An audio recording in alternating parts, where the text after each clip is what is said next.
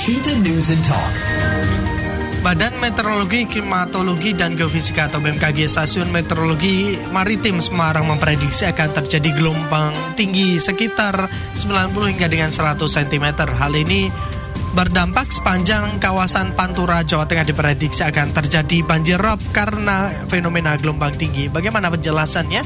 Kami akan jumpai Kepala Stasiun BM Kepala Stasiun Meteorologi Maritim Tanjung Emas Marang Erno Widianingsih. El Cinta Weather Report.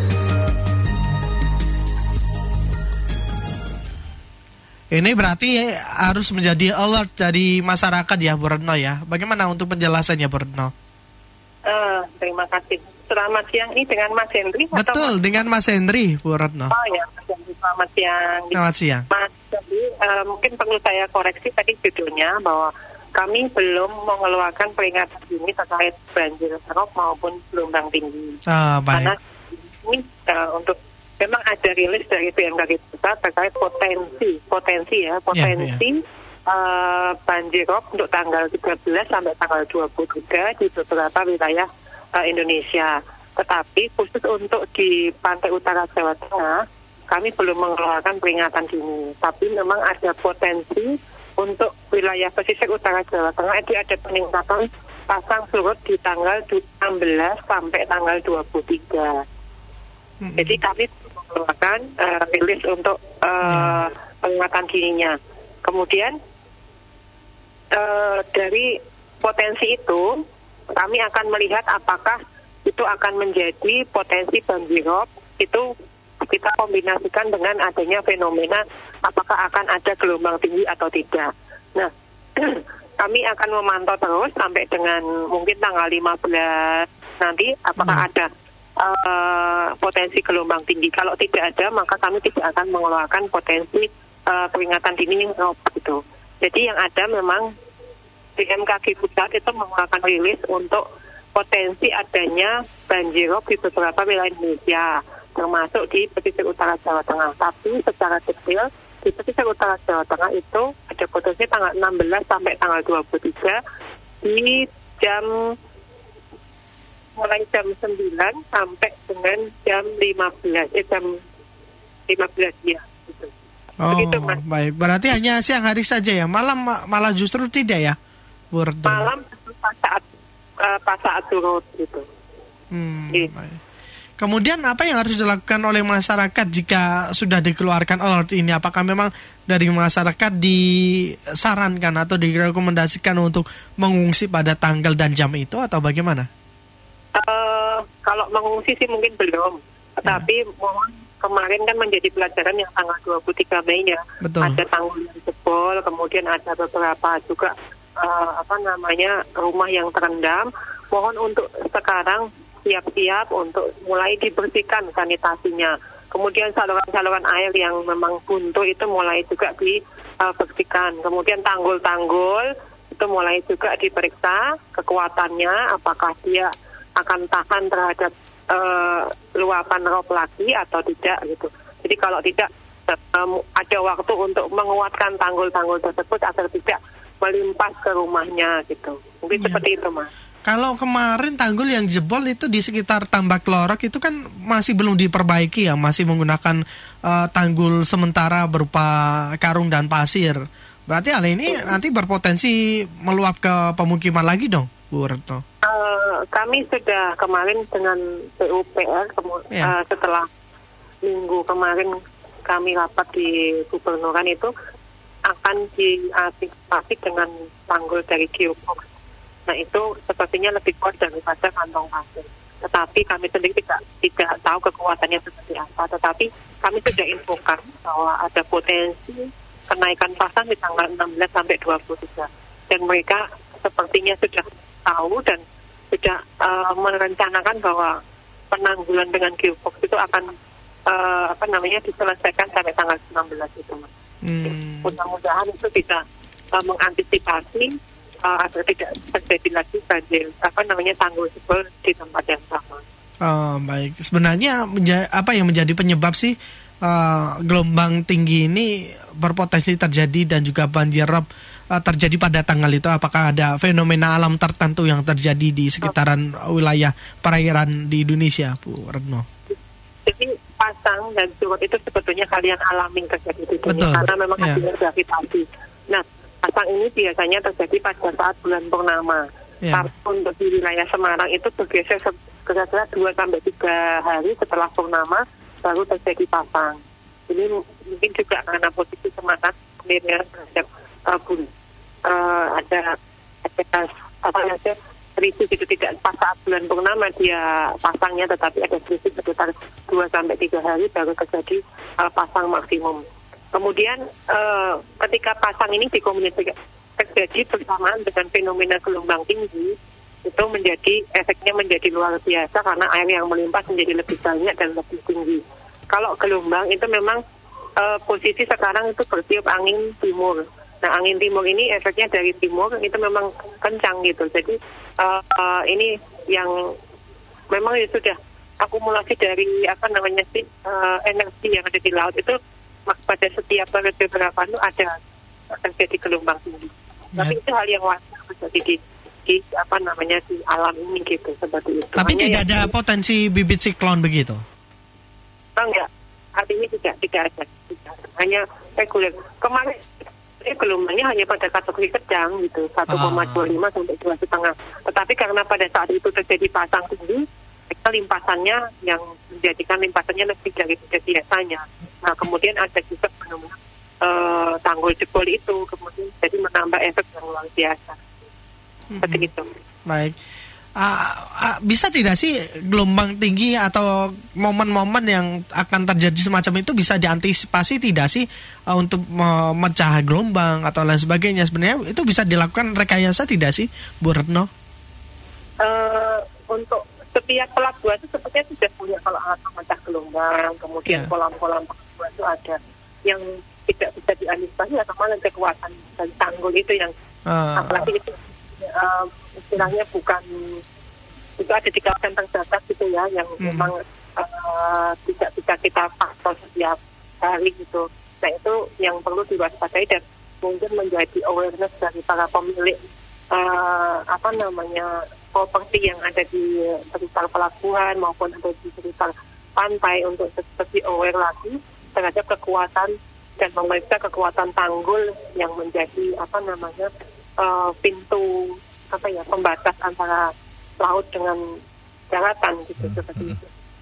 Kemudian Bu Retno, eh, daerah mana saja kemudian yang eh, mungkin akan terdampak oleh gelombang tinggi ini di panturanya? Bukan gelombang tinggi mas tapi rob ya. Oke, ya. Eh, Rob. tapi pasangnya. Jadi ini kalau yang sekarang itu sudah hampir seluruh pesisir utara Jawa Tengah dari Brebes, kemudian Mhm. Tegal, Malang, Pekalongan, kemudian Kendal, Semarang, Demak, Jepara, Pati, sampai Rembang itu kemarin Mhm. sudah terdampak. Eh, mungkin tingginya berbeda-beda, tapi kami sudah mengkonfirmasi dan itu sudah terdampak. Nah ini sepertinya sudah menjadi eh, apa namanya potensi untuk daerah semu- seluruh daerah pesisir utara Jawa Tengah Mhm. perlu diantisipasi. Kalau memang kemarin sudah kena ya sekarang Mhm. diantisipasi supaya diberikan tanggul yang lebih kuat lagi gitu Mhm. supaya tidak terdampak lagi. Kemudian untuk menghindari eh, banyaknya kerugian gitu Bu Retno, apakah sudah ada eh, konfirmasi terkait eh, rob ini dari BMKG untuk eh, pemerintah-pemerintah daerah yang terkena imbasnya gitu Bu Retno? Kami sudah bekerja sama mas dengan seluruh instansi. Kami Mhm. juga baik melalui apa namanya surat menyurat lewat email maupun lewat sosialisasi langsung ke mereka. Juga ada grup-grup WA gitu yang Mhm. khusus untuk uh, dengan gabung dengan BPBD, kemudian dengan gabung dengan kepala kepala pelabuhan, kemudian dengan gabung dengan instansi-instansi pemerintah.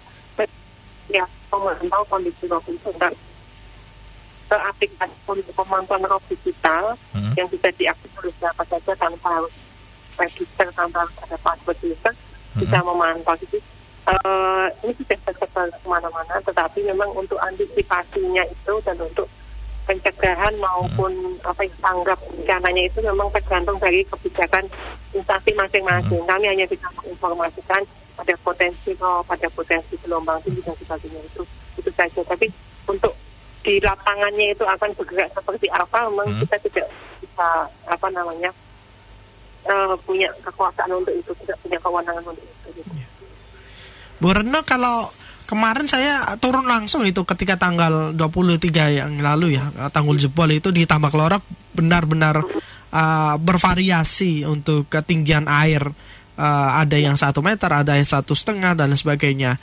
Uh, tapi banyak juga masyarakat yang mengharapkan uh, tanggul laut itu segera bisa dibangun. Karena keseharian mereka pun walaupun tidak terjadi rob itu uh, perumahan rumah mereka itu sudah tergenang bu sudah benar-benar apa ya airnya itu sudah masuk ke daratan. Kalau melihat uh, pembuatan tanggul laut ini dari sisi BMKG melihatnya bagaimana? Apakah memang hal ini memang benar-benar dibutuhkan sesuai dengan harapan warga atau bagaimana? Jadi eh, begini, setiap wilayah itu biasanya mem- meminta informasi dari BMKG terkait dengan pasang surutnya. ya. Nah, dari situ akan ada kajian terkait dengan eh, situasi tanahnya, kemudian jenis tanahnya, kemudian apa namanya bentuk pantainya dan sebagainya, dan nanti akan dikaji eh, bagaimana pencegahan rohani yang akan dilakukan, apakah lewat mangrove bisa, Hmm. lewat tanggul bisa, kemudian lewat alat pemecah ombak juga bisa, atau lewat eh, relokasi masyarakat juga bisa dan sebagainya. Nah, eh, yang saya tahu untuk Semarang dan Demak itu memang dipilih untuk pembuatan tanggul laut ya dan mungkin eh, jadi jalan tol itu ya, Iya. jalan tol laut. Saya kira seperti itu sudah melalui kajian yang sangat matang sampai Hmm. karena itu kan mem- membutuhkan dana yang sangat besar tidak mungkinlah memutuskan suatu keputusan yang membuat meng- apa ya mem, mem, ya sebenarnya, membutuhkan Iya. dana yang besar tapi tidak melalui kajian yang sangat banyak Hmm. tapi sudah melalui kajian yang sangat banyak dan kami juga bisa ikut rapat-rapat di Bunda, di gubernur itu memang mungkin itu sudah melalui beberapa kajian dan itu yang dipilih untuk uh, Hmm. untuk wilayah Semarang dan Demak yang tepat gitu. ya tanggal 16 itu sampai tanggal 23 Bagaimana rekomendasi dari BMKG untuk para nelayan? Apakah masih diperbolehkan untuk melaut atau tidak, Bu Reno? Pasang dan surut itu tidak mempengaruhi untuk uh, untuk kegiatan kelautan, tapi yang mempengaruhi gelombang.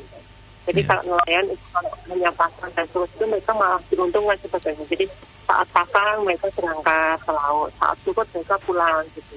Itu malah diuntungkan sebagainya. Tapi kalau untuk gelombang tinggi ini kan juga membahayakan Kalau- kan? Ya, kalau gelombang itu mereka akan melihat potensi tidak dengannya. Jadi kami punya 8 wilayah perkiraan itu dari Brebes ke Pemalang, Ya. Pekalong, Pekalongan Kendal, Semarang Demak, kemudian Pati Rembang.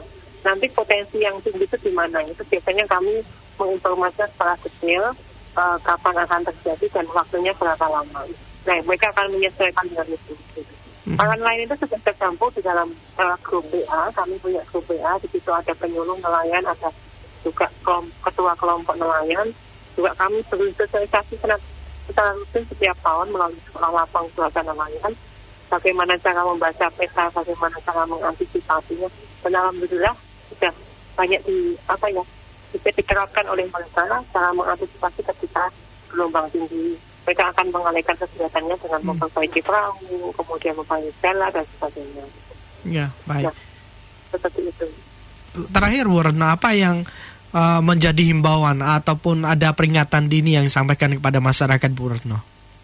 Iya. Jadi BMKG yang senantiasa mengupdate informasi tentang kondisi cuaca baik global maupun regional akan senantiasa memberikan informasi yang tercepat, terakurat kepada seluruh masyarakat maupun stakeholder.